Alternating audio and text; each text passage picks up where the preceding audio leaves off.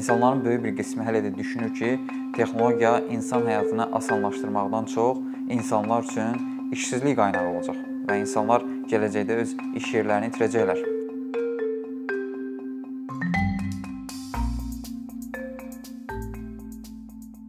Texnologiyalar üzərində müəyyən miflər peyda olur. Müəyyən yalan məlumatlar, müəyyən şayələr yayılır və bu insanlarda ə, məlumat kirliyinə gətirib çıxarır. Məsələn, biz 2020-ci il ərzində 2 dənə belə böyük bir mifi gördük ki, 5G-nin koronavirusu yayması və Bill Gates-in koronavirus vasitəsilə insanlara çip yerləşdirməsi belə bir şayələr yayılmışdı. Ümumiyyətlə tarixi baxımdan texnologiyaların inkişafına nəzər salanda biz görə bilərik ki, texnologiyalar əvvəllər insanların fiziki əməyini əvəzləməyə başladılar.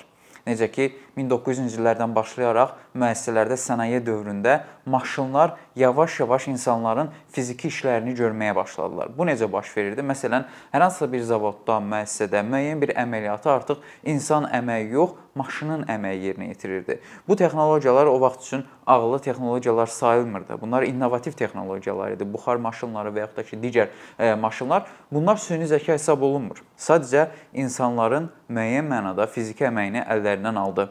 Və həmin dövrlərdə insanlar yavaş-yavaş öz işlərini texnologiya qarşısında itirməyə başladılar və o vaxtdan artıq insanların şuurlarında formalaşmağa başladı ki, texnologiyalar yavaş-yavaş insanların işlərini əllərinə alacaq. Amma biz bu günə baxanda 2020-ci ildə olduğumuz ildə bu günə baxanda görürük ki, artıq texnologiya nəinki insanların fiziki əməyini, artıq əqli və zehni əməyini də əllərindən almağa başlayıb və insanlara əsas narahat edən məqam budur ki, necə ki biz artıq robotları görürük, biz robot müəllimləri görürük, biz aparatlar süni zəka ilə təmin olunmuş texnologiyalar görürük ki, cərrahi əməliyyatlar eləyir.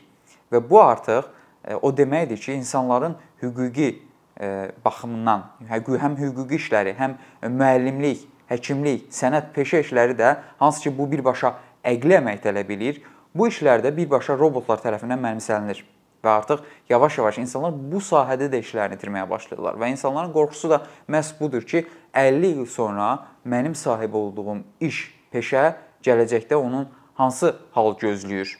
Və məsələn mənim oğlum həkim olacaqmı, hüquqşünas olacaqmı, yoxsa hansısa bir robot gəlib onun işini əlindən alacaqmı? Yəni bu insanlarda belə bir qorxu yarandığı üçün insanlar texnologiyadan müəyyən çəkinməyə, qorxmağa başlayıblar. Ona görə robotlaşmanın qarşısını almaq üçün aksiya keçirilənlər belə var. Amma burada bir məsələni diqqətə almaq lazımdır. Məsələn, e, statistika və təxminlər göstərir ki, əgər növbəti illərdə 86 milyon iş yeri məhz süni zəka və texnologiyaların sayəsində bağlanacaqsa, 96 milyon yeni iş yeri açılacaq. Yəni texnologiya iş yerlərini bağladığı kimi yeni iş imkanları da yaradır. Burada insanların e, məqsədi və e, tərəfi texnologiyadan qaçmaq yox, onu bloklamaq yox, Əksinə, həmin texnologiyaları öyrənib, həmin texnologiyaları bilib, həmin robotları idarə etmək, süni zəkaları kodlaşdırmaq, proqramlaşdırma biliklərini artırmaq bunun vasitəsilə həmin o yeni yaranan iş yerlərindən pay qoparmaqdır. Amma biz bu gün həmin e, texnologiyaları bloklasaq, həmin texnologiyalardan qaçsaq, e, o yenilikləri, innovasiyaları qəbul eləməsək, bizim gələcəyimiz olmayacaq. Və bu tipli miflər, texnoloji miflərdən söhbət gedir. 2020-ci ildə çox yayılmağa başladı. Çünki insanlar e, inanmaq istəyirdilər ki, bu koronavirus pandemiya hansısa bir oyundur, ortaya atılmış bir mifdir, yalandır, necəsə iqtisadiyyatları zədələmək istəyirlər, amma artıq görünən odur ki, bu belə olmadı.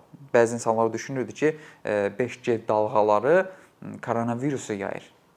Bəzi insanlar deməyə, hətta dəqiq deyək, İngiltərədə 5G baza stansiyasını yandıran insanlar var idi. Yəni bu təkcə 3-cü dünya ölkələrində belə deyil.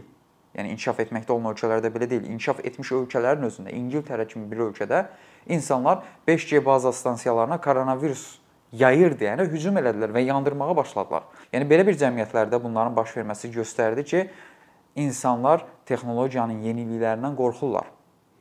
Yəni məsələnin texnoloji və elmi tərəfini araşdıranda artıq o mifləri puç eləmək olur. Necə ki 5G-də artıq insanlar e, müəyyən bir dövrdə Azərbaycanda da test olunmağa başlamışdı və insanlar elə bilirdi ki, Azərbaycan elə bu virusu bu 5G dalğaları gətirdi. Amma biz e, böyük şəhərlərə baxanda elə Çinin özündən misal götürsək, ən çox istifadə olunan 5G şəbəkələri məhz Çindədir, Çinin şəhərlərindədir. Amma Çinin bu dəqiqə virusa yoluxma sayı e, nə qədər geriləyib, heç demək olar ki, yoxdur və yaxud da ki, Cənubi Koreya. Yəni artıq bu analizlər göstərdi ki, bunlar e, bir teoriya idi. Yalançı bir teoriya. Və bunlar puç oldu.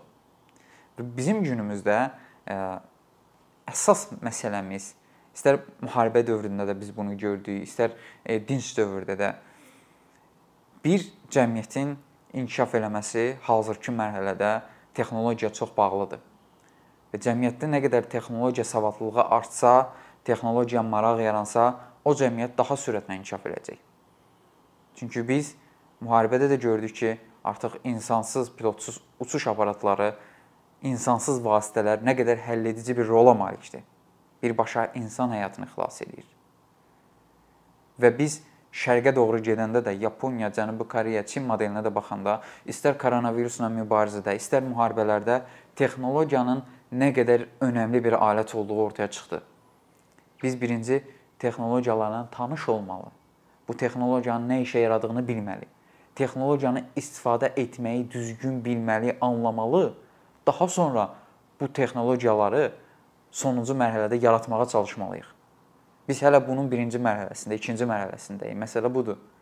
Biz texnologiyaları öyrənməyə, ondan istifadə etməyə çalışırıq. Biz hələ ki istehlakçı qismindəyik. Və bunları istifadə edəndə bunun altında yatan qara səbəblər, qara teoriyalar axtarırıq ki, bəlkə bu mənim həyatıma nə üçünsə başqaları tərəfindən soxulub. 2020-ci il ümumiyyətlə texnologiyanın bizə nə qədər lazım olduğunu göstərdi. Əgər bu internet olmasaydı, texnologiyalar olmasaydı, təsəvvür edirsiniz 2020-ci il necə ağır bir dövr kimi olardı? İnsanlar hal-hazırda evdən işləyə bilirlər, evdən təhsil ala bilirlər. Bunların hamısının kökündə bizim şəbəkəmiz, internet dayanır və texnologiya dayanır. Bunlar olmasa azlıq və səfalət olardı. Necə ki, 100 illər əvvəl bu baş vermişdi hər pandemiyada gələn bir iqtisadi çöküşlər, səfalət, aclıq. Amma texnologiya bizə imkan verir ki, bunlardan yan qaçaq.